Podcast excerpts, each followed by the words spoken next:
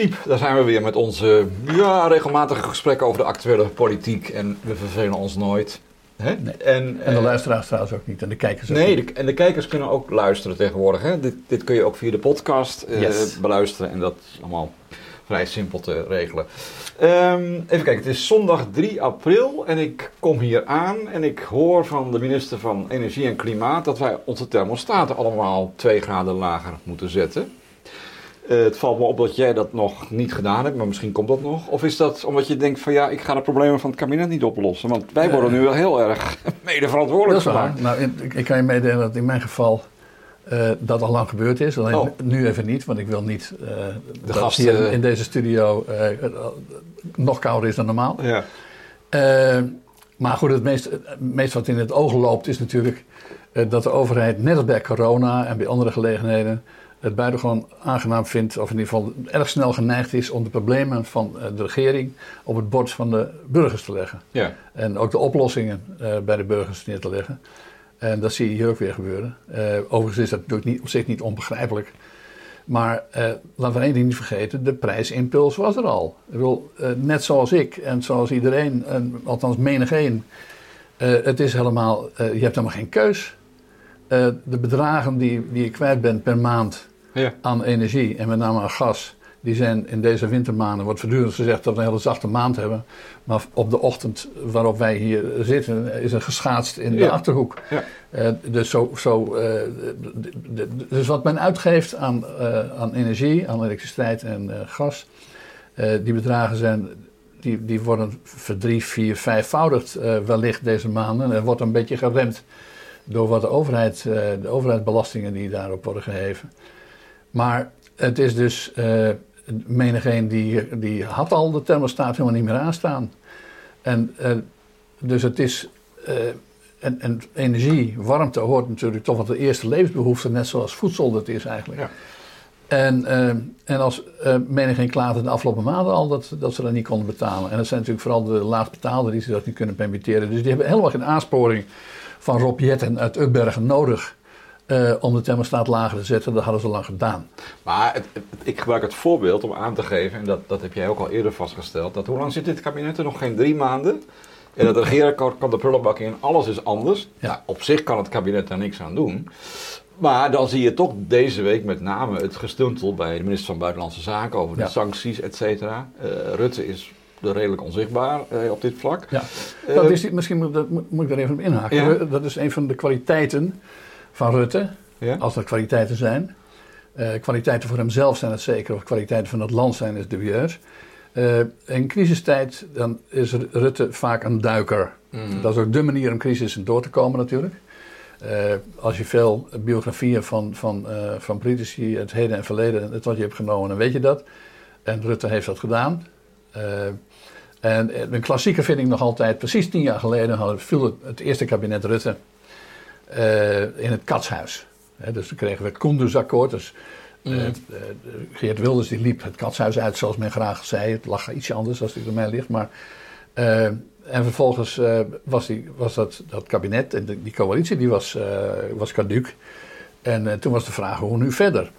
Het, de reden waarom dat kabinet in elkaar stortte was, het, was oneenigheid over begrotingsbeleid naar aanleiding van, nou ja, omdat in Brussel wilden ze Tenminste, dat vonden wij hier. In andere landen trekken ze er nooit iets van aan. Maar wij vonden dat we moesten houden aan de Brusselse regels. Ja. Wilden ze er minder zin in. Enfin, binnen een week was er toen een, in feite een alternatief regeerakkoord geformuleerd. Dat heette dan begrotingsakkoord. Dat kon, ja. Zei het ook wel. Nou, als je kijkt dat er net nog uh, een jaar gedaan is over het huidige regeerakkoord, dan is dat verbazingwekkend snel wat er toen gebeurde. Ja. Dat was ook, de, als het mij ligt, de enige kwaliteit van dat akkoord van tien jaar geleden. Uh, dat het zo snel was, want de inhoud, daar valt veel op aan te merken. Maar wat, wat is het punt met Rutte? Dat die... Wat is het interessant aan Rutte? Rutte was onzichtbaar. Ja, de jager die liep door de gangen toe. Hè? Precies. Dus uh, je kunt ook zeggen dat is de perfecte manier van delegeren. Je kunt ook zeggen het is de perfecte manier van het problemen bij anderen leggen. In ieder geval, uh, Rutte is betrekkelijk onzichtbaar inderdaad. En, en dat is bijna, dat is wat, nou, dus die situatie van tien jaar geleden die, die dringt zich op Namelijk, uh, als, het, uh, als het probleem het groot zijn, is, is, staat niet per se vast dat Rutte vooraan in de rij staat. Nee, maar wat, wat, wat iedereen natuurlijk opviel, is we hadden net die speech van Zelensky gehad. En dan komt Hoekstra naar de Kamer ik, eerlijk gezegd dacht ik zelf ook, dat wordt een soort ritueel debat. Ik zag spreektijden van twee minuten, twintig fracties. Nou, even hè, eh, Zelensky hard onder de riem. Maar nee, dat debat ging hard tegen hard. Het, het, het bestond inderdaad het idee alsof dat een rituele hoogmis zou zijn, zullen we zeggen. Ja. Maar wat mij dan zo verbaast is dat het CDA is toch een redelijk geoogde, uh, geoliede machine. En dat, dat Hoekstra daar onvoorbereid staat. En ja. met zijn mond vol tanden over die sancties. Ja, het kabinet, uh, ja, ik weet niet hoe het gegaan is, maar het is ook nog denkbaar dat, dat de Kamer verwacht had dat Rutte daar zou staan. In ieder geval, Rutte stond daar niet. Ja, maar het kabinet gaat over zijn eigen afvaardiging. Hè? Dus dat... dat weet ik, maar dat is zeker. Maar, maar dan is er in het kabinet... Dit is weer jouw theorie dat als het spannend wordt dat hij... Nou ja, als, dat, als, als je er risico mee oploopt. Ja. Kijk, eh, toen eh, twee jaar geleden corona het land binnenkwam... Dook Rutte niet. En daar heeft hij waarschijnlijk daar heeft hij ook veel baat bij gehad. Hè? Dus hij heeft tot aan de verkiezingen van een jaar geleden kunnen leunen... op de hoge peiling die hij op, opbouwde in coronatijd.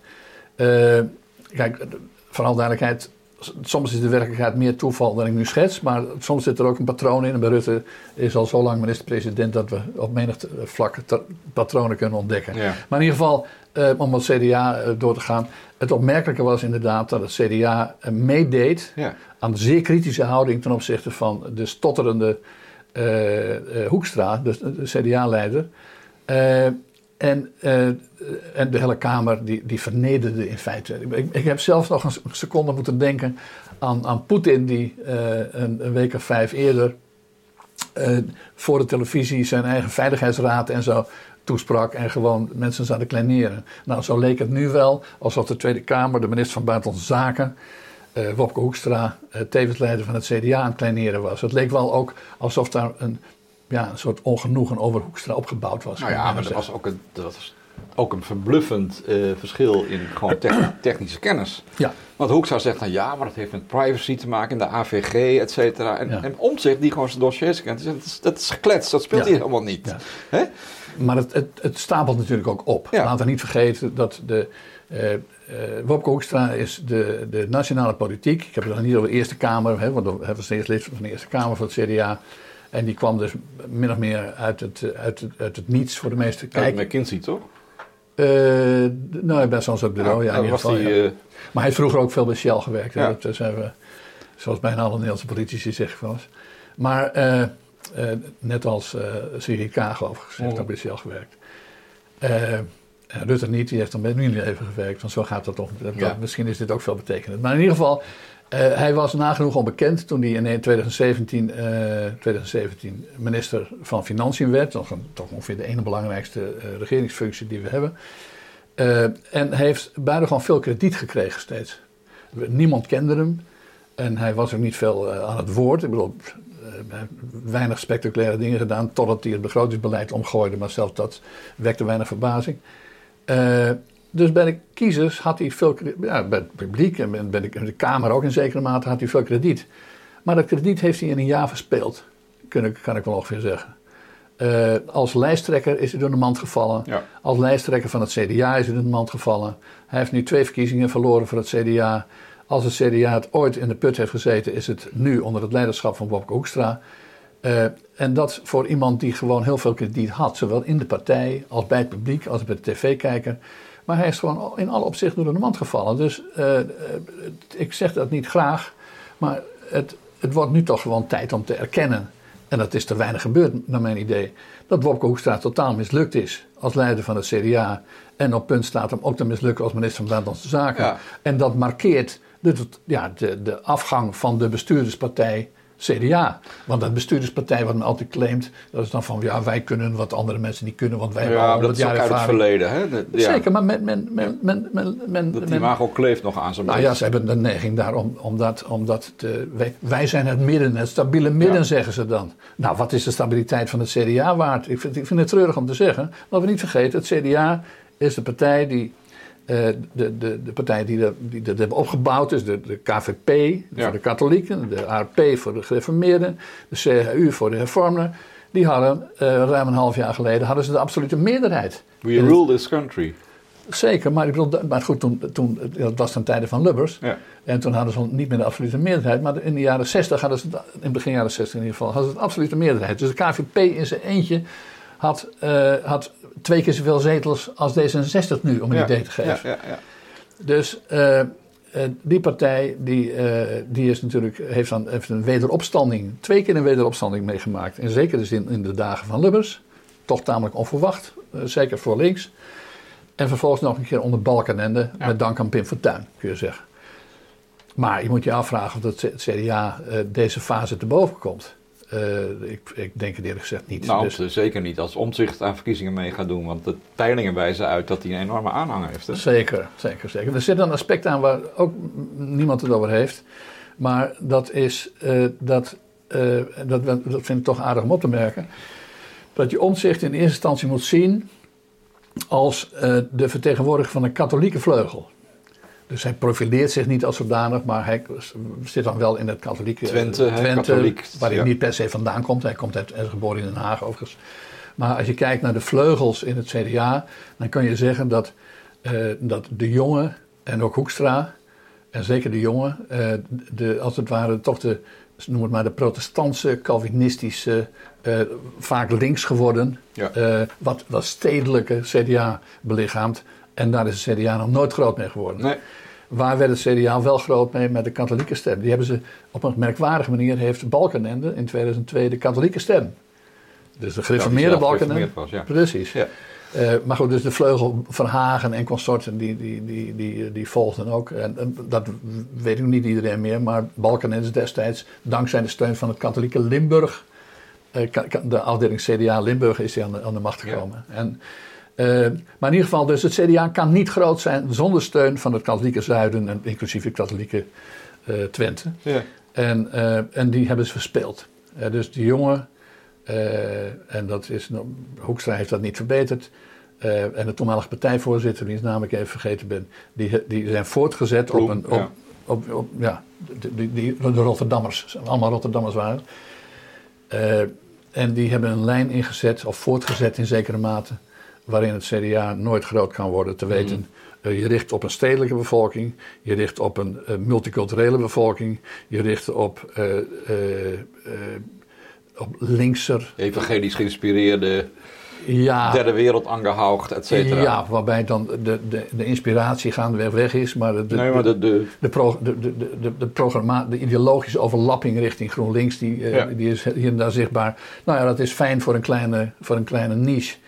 Uh, maar daarvoor heb je GroenLinks al of uh, de ChristenUnie. Uh, in ieder geval, dat is geen basis waarop het CDA een brede volkspartij kan zijn. Het CDA kan alleen maar een brede volkspartij zijn als er veel mensen heeft op het platteland. En daarnaast graag ook wat mensen in, wordt het in de steden, maar dat is nebenbij.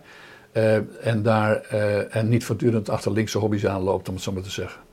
Maar je zegt dus eigenlijk dat als Omzicht straks mee zou doen, dat dat een enorme bedreiging is voor het CDA. Dat hij wel eens groter zou nou ja, Het wonderbaarlijk is dat zelfs nu uh, uh, Omzicht nog niet eens meedoet. Het CDA natuurlijk al weggeveterd is. Dus, uh, in de peilingen? In de peilingen sowieso, maar, maar, ook bij de verkiezingen natuurlijk. De gemeenteraadsverkiezingen hebben ze weer verloren.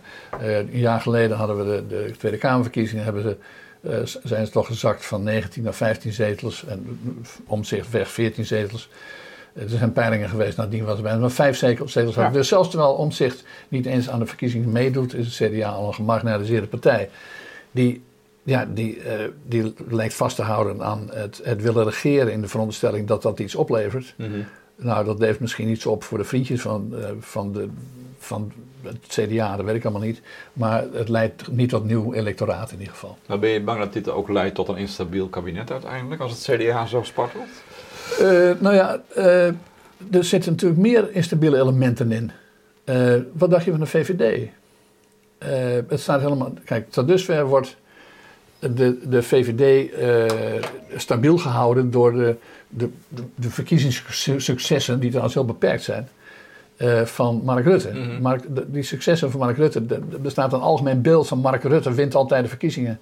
Dat is helemaal niet waar. Nee. Mark Rutte zorgt er alleen voor dat op cruciale momenten hij net iets groter is dan een ander. Ja, ja. Of dat er een omstandigheid is, soms heeft hij nog wat geluk erbij. Maar twee jaar, drie jaar geleden heeft hij de statenverkiezingen verloren. Die werden notabene gewonnen door Baudet. Ja. die vervolgens die, die, die, dat succes weer heeft weggegooid. Maar dat is iets anders. Een gelukkie trouwens voor, kun je ook zeggen, voor Rutte. Ik had deze week, sprak ik een gezelschap toe. met veel VVD'ers. En het was in Amsterdam. En er waren veel jonge VVD'ers ook. En dus er was een soort omstandigheid waarbij je denkt van nou, dat zijn geen mensen die kritisch zijn op Mark Rutte. Maar mijn analyse die ik nu ook een beetje geef, uh, al eerder al heb gegeven, namelijk die er heel erg neerkomt, dat, uh, dat de VVD na Mark Rutte de Sahara is, die werd door iedereen gedeeld. Althans, er is niemand, er was een druk gesprek in die zaal. Uh, Grote leegte achter Mark Rutte. Yes, en er bestaat dus vrij een, een, een groot, naar mijn indruk, ook in de VVD best wel het, het idee dat Mark Rutte niet voor zijn opvolging gezorgd heeft. En dat hij zelf eh, de VVD, eh, weliswaar voortdurend verkiezingen, dan zeggen de, de, de cruciale verkiezingen wint en daardoor meer blijft. Maar wat is er van de VVD over? Qua bemanning, qua ideologie. Wat, wat heeft de VVD de afgelopen twaalf jaar eh, binnengehaald voor de VVD-burgers van Nederland? Nou, dat, uh, dat telt niet tegenaan. Nee, ook niet voor ondernemers? Want de, de, kritiek is toch dat het vermogens en kapitaal toch wel erg weinig belast wordt in Nederland. Ja, maar nou, dat, mocht dat zo zijn. Uh, er wordt vaak natuurlijk in het politieke discours gesproken over burgers en bedrijven. Ja. Maar in de politiek bestaan uiteindelijk alleen maar burgers. In een democratische rechtsstaat bestaan alleen maar kiezers die burgers zijn en bedrijven hebben geen stem. Je bedoelt die ondernemers, die stemmen ook naar hun portemonnee? Uh, nou ja, mag zeker, maar eh, nou ja, uh, maar bovendien bedrijven hebben formaliter in een parlementaire democratie geen stem. Nee. In de werkelijkheid van Nederland is dat helaas of niet natuurlijk anders. In ieder geval de invloed van die bedrijven is onevenredig groot geweest. De toegang tot het regeringsbeleid van die bedrijven is uh, in de Rutte-tijd ook is zichtbaar geworden dat die heel groot was. Wat ertoe geleid heeft overigens, denk ik, dat bedrijven nu zeuren dat hun invloed is afgenomen. Ja. Maar goed, de VVD kan eindeloos bedrijven en vooral grote bedrijven, dat gebeurde in het verleden, in het korte, tot voor kort. Je kunt als VVD eindeloos grote bedrijven bevoordelen, maar dat zijn vaak bedrijven met maar weinig werknemers en met veel kapitaal, met veel eigenaars in het buitenland. Ja, ja. Nou, zijn geen kiezers. Dat kun je eindeloos doen, maar uiteindelijk willen burgers ook wel eens een keer iets terugzien van wat zij belangrijk vinden.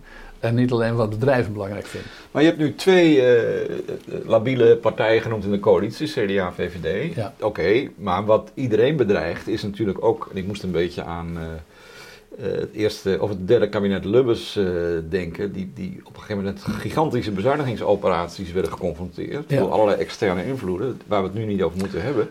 Waardoor een hele missie eigenlijk de, mist inging. Dat, dat niemand meer weet waarom dat kabinet toen bestond. Ja. En we hoeven niet de geschiedenis over te doen, maar bedreigt dat Rutte ook niet dat, dat al die plannen straks vastlopen in de modder van de realiteit? Maar natuurlijk, sterker nog, dat is al zo. Ja? Zo ver is het al. Uh, dus laten we niet vergeten, een jaar geleden waren de verkiezingen. Ruim een jaar geleden. Toen hebben ze er tot half december over gedaan om een regeerakkoord te maken. En daarna nog een paar weken om een kabinet samen te stellen.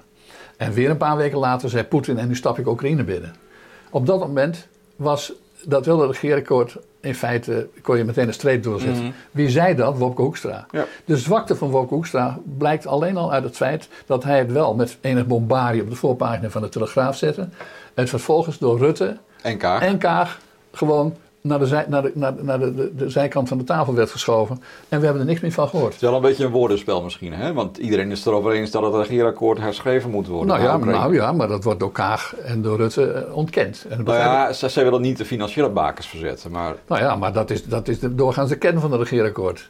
Oké, okay, laten we nou niet in de, in de techniek komen. Maar we, we, hebben niet, we hebben niet kunnen zien dat Wopke Hoekstra gescoord heeft met, zijn, met, zijn, uh, met zijn snelle uh, analyse en zijn snelle verlangen. Ja, daar zit hij ook het verkeerde ministerie voor natuurlijk. Bedoel, nou ja, nee, maar hij zei dat, eh, moet ik aannemen, in de eerste plaats als partijleider, als onderhandelaar van het coalitieakkoord. Hij, hij pleitte er in feite om het, voor een coalitieakkoord onder gegeven nieuwe omstandigheden, nieuw decor, uh, opnieuw te, open te breken. Nou, wie hadden daar geen zin in? Die het meest, degene die het meest bij, baat hadden bij het coalitieakkoord te weten D66, omdat ze er al hun hobby's binnen hadden gehaald. D66 is gewoon de overwinnaar van het, van het coalitieakkoord. Klimaat, stikstof, et cetera, grote groeifondsen, uh, ja. Ruwweg, ja. ja. Uh, en, dat is één. Nou ja, en, en Mark Rutte is altijd, altijd de overwinnaar van een coalitie het regeerakkoord. Om een eenvoudige reden dat hij weer premier wordt. Mm uh, hoe dan ook, Hoekstra vroeg om het openbreken van het coalitieakkoord, wat technisch gesproken logisch en uh, wat, Maar we hebben er niks meer van gehoord. Terwijl er heel veel reden voor is, want de omstandigheden zijn anders. Het is niet alleen omdat Poetin uh, de, de, Oekraïne is binnengestoken, dat we meer geld willen uitgeven aan defensie, maar ook omdat de inflatie torenhoog is. 12 procent. Dat is echt in 50 jaar gebeurd. Ja. 12 procent op maatbasis, weliswaar nu. Uh, uh, maar dat betekent dat mensen zo, zoveel uh, geld minder te besteden hebben. Het komt er gewoon op gauw op neer dat die ongeveer een tiende, laat ik maar heel weg zeggen. Dat geldt zeker voor de lage inkomens.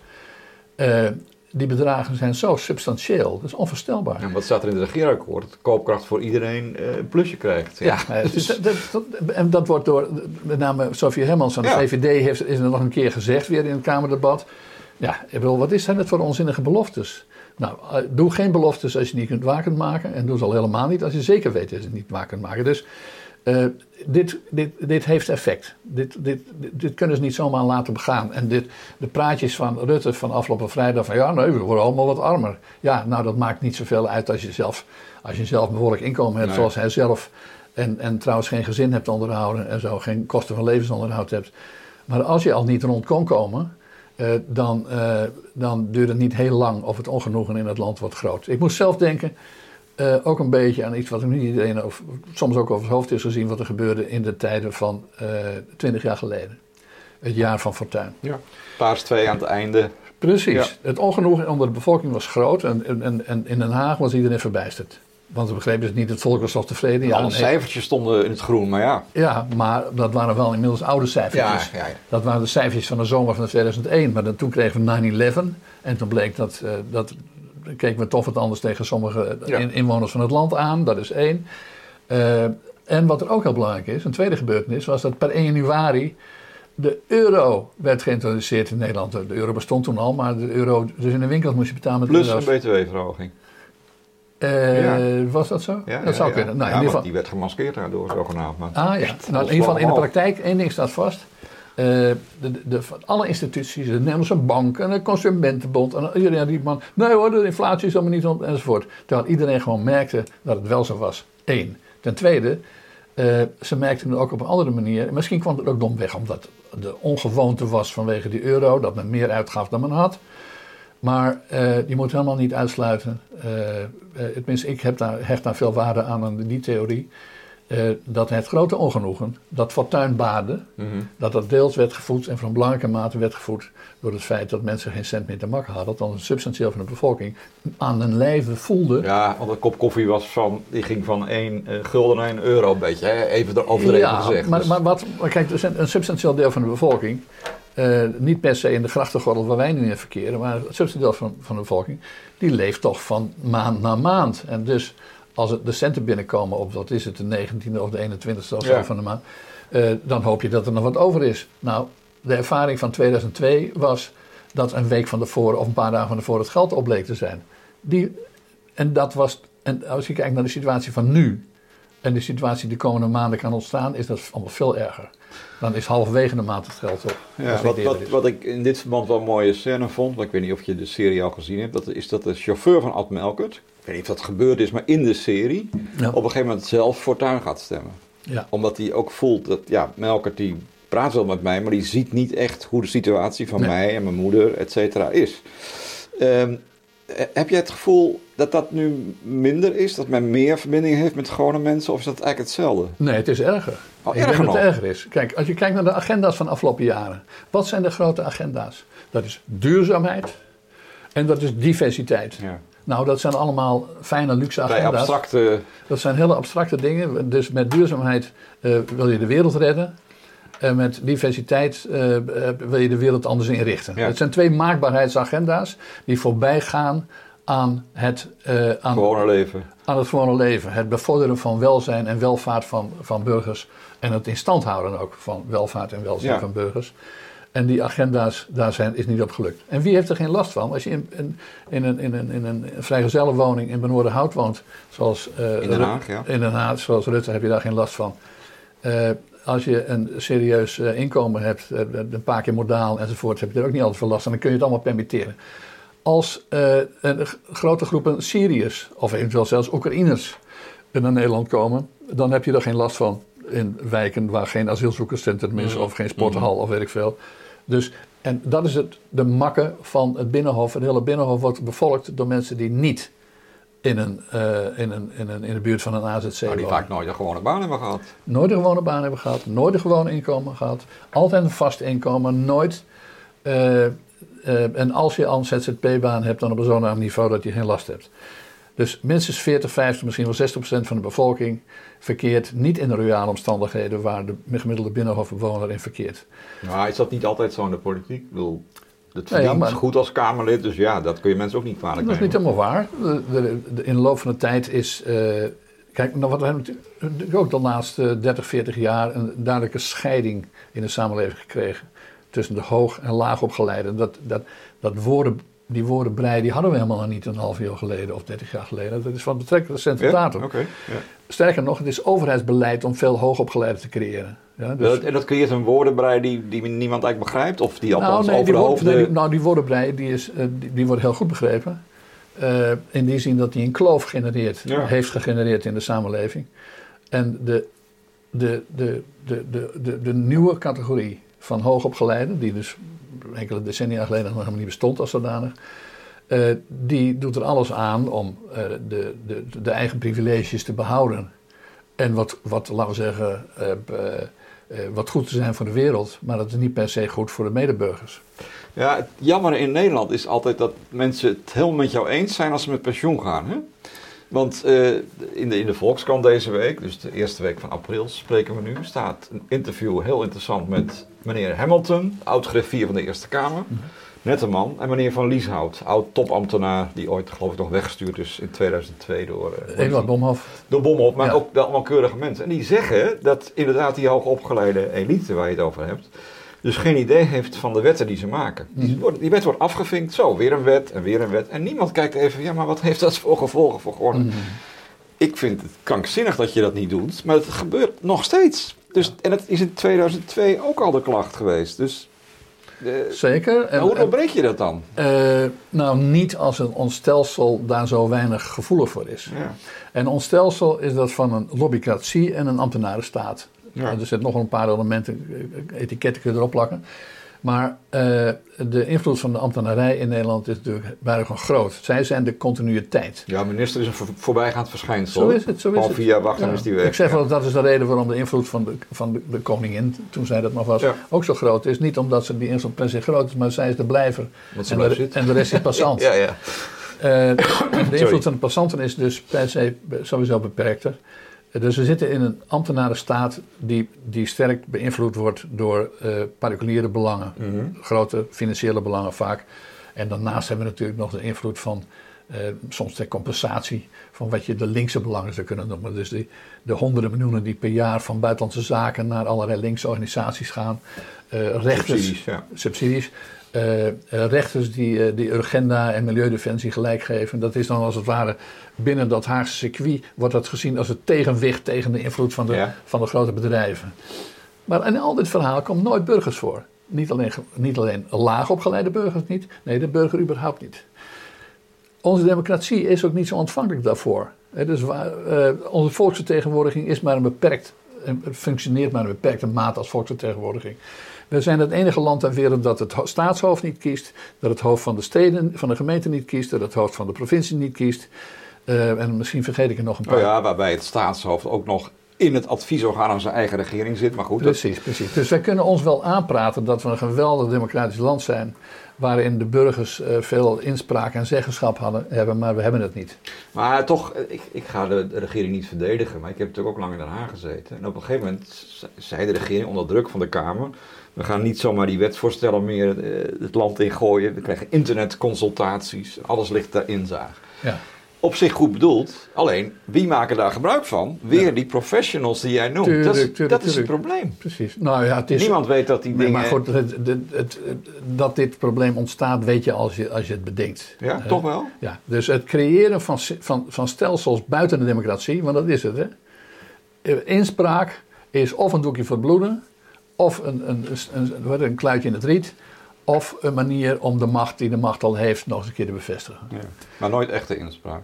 Nou ja, de echte inspraak. Als een democratie werkt zoals die zou moeten werken. Onze, ik bedoel, uh, de, de, de vertegenwoordigende democratie die we, zouden, die, we, die we op papier hebben, die zou in theorie in ieder geval uitstekend kunnen werken.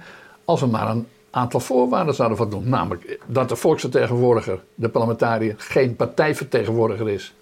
Maar een, inderdaad een volksvertegenwoordiger. Zonder last of ruggespraak, zoals in de Precies, die dus optreedt namens de burgers die hem gekozen zoals heeft. Omtzigt een beetje uh, doet. Zoals Omtzigt doet, precies. Dus het, de populariteit van Omtzigt, die wijst erop dat mensen, ook al hebben ze er niet altijd precies over nagedacht, wel voelen en weten dat ze stemmen op mensen die uiteindelijk uh, niet handelen naar wat ze hebben beloofd. Of ja, maar ik, ik weet niet of ik dat met je eens ben. Volgens mij zijn mensen ook heel bang voor wat dan met een duur woord cliëntelisme heet. Want de SP, je kan zeggen wat je wil, die is geworteld in die wijken. En die krijgt toch soms het verwijt, ja, jij, jij vertegenwoordigt die deelbelangen en, en, die komen dan in het parlement. Ja, maar het is, het is, een, het is een dwaalspoor. Ja? De situatie die we nu kennen is dat... Uh, Kijk, door de, onze regeerakkoorden, dat, kun je, dat zijn prachtige voorbeelden daarvan. In ieder geval de, de voorlaatste, dus van Rutte 3, was natuurlijk een prachtig voorbeeld. Omdat we toen hebben kunnen zien dat uh, ook weer maanden nadat we de, de, de, de, de kiezers, de stembussen dicht waren gegaan, waren de enigen die nog wel toegang hadden tot, uh, tot de, de regeerakkoord onderhandelen, waren Shell en Unilever. Uh, dus die... Dus die nieuwe bestuurscultuur die... Nee, dat was toen. Ik bedoel, is dat dan geen cliëntelisme? Het is toch veel erger als mensen die met een grote bonk geld het binnenhof binnenstappen, of de achterkamers van het binnenhof binnenstappen, uh, de macht hebben als cliënt van het maar binnenhof. hoe zie je dat dan terug in het regeerakkoord? Uh, de afschaffing van het dividendbelasting. Oh, ja, je hebt het over 2017. Ja, ja. ja oké. Okay. Dat, dat, was... Uh, Duidelijk. Ja. en ik, nu moet het ook niet uitsluiten dat het zelfs in dit nieuwste regeerakkoord versluierd heel goed zichtbaar is. Kijk bijvoorbeeld naar die gigantische bedragen die uitgetrokken zijn door, uh, op aandrang van D66 en sommige anderen uh, uit zijn uitgetrokken voor, voor, uh, voor stikstof en met name klimaat. Ja. Al dat klimaatgeld, dat gaat niet naar burgers, kan je zeggen. Dat gaat misschien, als het een beetje mee zit, naar het klimaat. Maar vervolgens gaat het voorlopig in de vorm van euro's gewoon naar bedrijven die worden gesubsidieerd. Om het klimaat te doen, ja, maar ze worden er niet slechter van. Hè? Dat is ook de kritiek op die klimaatmaatregelen. Hè? Nou ja, ja. Maar dus ik heb liever dat de burgers van Nederland cliënt van, van de politiek zijn dan dat een paar, een paar bedrijven uh, de cliënt van de politiek zijn. Maar dit, dit pleidooi hoor je natuurlijk ook al, uh, al jaren. En Rutte heeft ook een nieuwe bestuurscultuur uh, beloofd. Maar het, het, lukt niet, zeg jij, binnen dit systeem? Dit, dit... Nou ja, kijk, om te beginnen wat Rutte heeft gezegd, dat, dat, was, dat heeft hij aangekondigd de dag nadat hij bijna was weggestuurd. Ja. En vervolgens, doen, ja. en vervolgens hebben we er nooit meer niets van gehoord. Ja, dus dat is, dat is het kluitje in het riet waar Rutte uitstekend in is. Wat bewonderenswaardig is, maar waar je als land en als burger van Nederland verder helemaal niks aan hebt. Dat hij voortdurend overleeft is prachtig. En, en uh, iedere sport, uh, hoe het? liefhebber die kijkt dan met, uh, met verbazing naar. Je bedoelt, een trainer was al lang weggestuurd. Nou ja. ja om maar even die analogie... Zoiets, zoiets, zoiets. Zoiets. Maar als, als, er een, een, als het een repeterend probleem in Nederland is, uh, misschien in andere landen ook hoor, maar als een repeterend probleem is dat uh, politiek geen, uh, geen levende antenne heeft in de samenleving, dat ze voortdurend dingen oplossen waar niet om gevraagd is, mm. dingen niet oplossen waar niet om gevraagd is, geweldige problemen creëren, zoals de toeslagenaffaire, zoals de Groningen-affaire, en ze zijn niet in staat, of niet bereid, of geen zin in, of geen prioriteit om dat op te lossen. Ja, dan moet je misschien toch eens nadenken om die antennes te verbeteren. Ja, er stond vandaag weer in de krant, ik weet niet of het goed voorbeeld is, er zouden dan drie gesprekken plaatsvinden, hè? Belastingdienst, gemeente en de cliënt. En ja, misschien dat we dan voor de zomer met de gemeente overeenstemming bereiken. Ik, ik, ik leg expres deze toon in mijn stem, omdat mensen daar natuurlijk gek van worden. Ja. ja? En het zal allemaal wel wettelijk kloppen. En er zijn allemaal wetten die het. Maar, maar het, die mensen zijn hier nu, nou, ik denk 2012, een jaartje of tien mee bezig gewoon. En het is nog. Nee, nee, maar, maar, kijk eens naar. Uh, je bent ook wel eens een ministerie binnengelopen. Uh, en je komt ook wel eens een ambtenaar tegen. De houding is natuurlijk.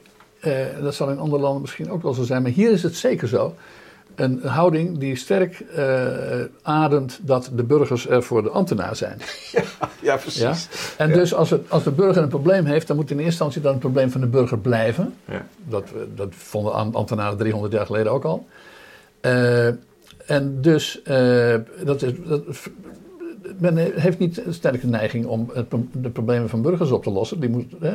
Maar die, wij, ze worden betaald door die burgers, toch? Ik bedoel, Zeker. Het zou een heilige plicht moeten zijn. Zeker, maar, dat wordt niet uh, overal zo gevoeld. Oh, oké. Okay. Uh, dat was al niet zo. En dat gewoon een vierde macht op zich. En, uh... Nou ja, en dat zie je natuurlijk, dat is ook typerend, dat, dat als er dingen misgaan als de overheid niet doet wat ze belooft. Zoals een recente voorbeeld van de overheid die sancties tegen Rusland zal indienen. En de overheid die doet dat niet. Ja, eh, waarom? Omdat kennelijk niemand van plan is om daar zijn vingers aan te branden. Nee, maar niemand was op het idee gekomen om even aan het kadaster te vragen hoe het zit. Het is nog steeds, het is nu 38 dagen oorlog. Ik geloof nog steeds niet gebeurd. Terwijl het kadaster zegt, we, hebben die informatie. Ja. Dus uh, ja, maar goed, het is, een, het, het, is een inert stelsel, dat kunnen we wel zeggen. Ja, dus men is, inert, daar bedoel je mee alles op de rem?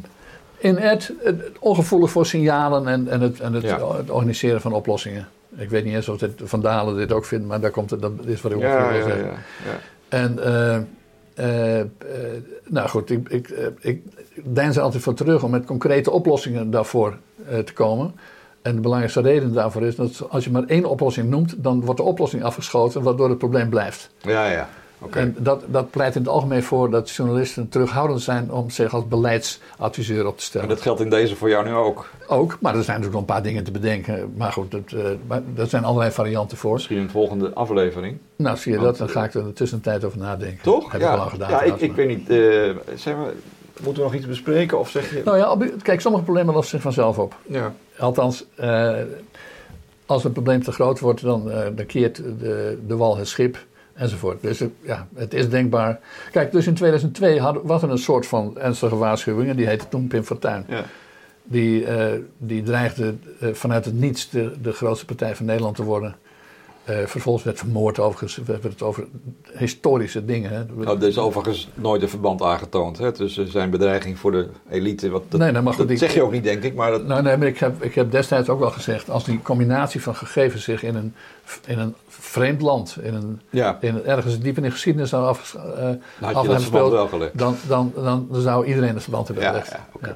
Maar het is, het is niet aangetoond. Dus het, maar nee, nee, wacht even, je, was, je, was een redenering aan het opbouwen? Nou ja, bedoel, uh, het, het, het, is niet zo dat de dingen altijd blijven zoals ze blijven. Dus de, de, de, dagen van Fortuin hebben aangetoond uh, dat, uh, dat dit land niet per se het stabiele, rustige land van ambtenaren, staat en lobbycratie is. Dat altijd maar een beetje voort kan dobberen. Ja, weet je, de middenklasse blijkbaar is zo groot en heeft er zoveel belang bij dat hij steeds weer diezelfde coalitie kiest. Ook nu weer. Dus ja, uh, de kiezers staan het ook wel toe, zou je kunnen zeggen. Uh, of is dat te simpel? Nou ja, maar als de kiezer, de kiezer keuze heeft, dan kiest hij al gauw op iemand die ze nog nooit eerder hebben gezien.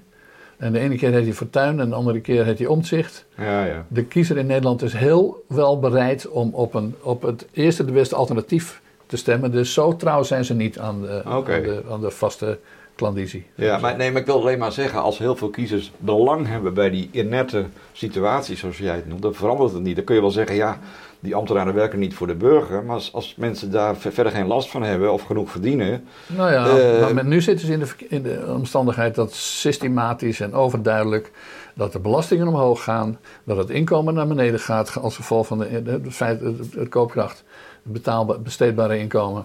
Uh, dat, zijn, dat zijn dingen die doorwegen in de houding van mensen. Het, ik, naar mijn stellige overtuiging is het op dit moment uh, het enthousiasme voor de, de, de, de, de partijen die het toe doen minimaal. Het kan best zijn dat ze nog erop gestemd hebben, maar dat wil nog niet zeggen dat het enthousiasme mee dat gebeurt groot is. Ah, ja. En dat het vertrouwen in die politici die dat moeten leiden ook uh, in historische lijn gesproken dat die uh, laag is. Ik ben, ik, ik, ik, iedereen zou dat waar kunnen nemen, maar een recente onderzoek, ik dacht van het CBS, heeft dat ook ja. ondersteund door, uh, door de conclusie dat het vertrouwen echt uh, substantieel laag is. Ik vind het jammer dat we weer een beetje negatief moeten eindigen, maar goed, het is niet anders. Nou, dat begint altijd met een, een, een, een heftige analyse begint al, die is altijd nodig voordat er ja, oplossingen komen. En zo. nou, dat heb je goed gedaan. Hartelijk dank. Um, en over een maandje zien de kijkers ons weer en de luisteraars, want u kunt dit allemaal ook via de podcast beluisteren. Hartelijk dank.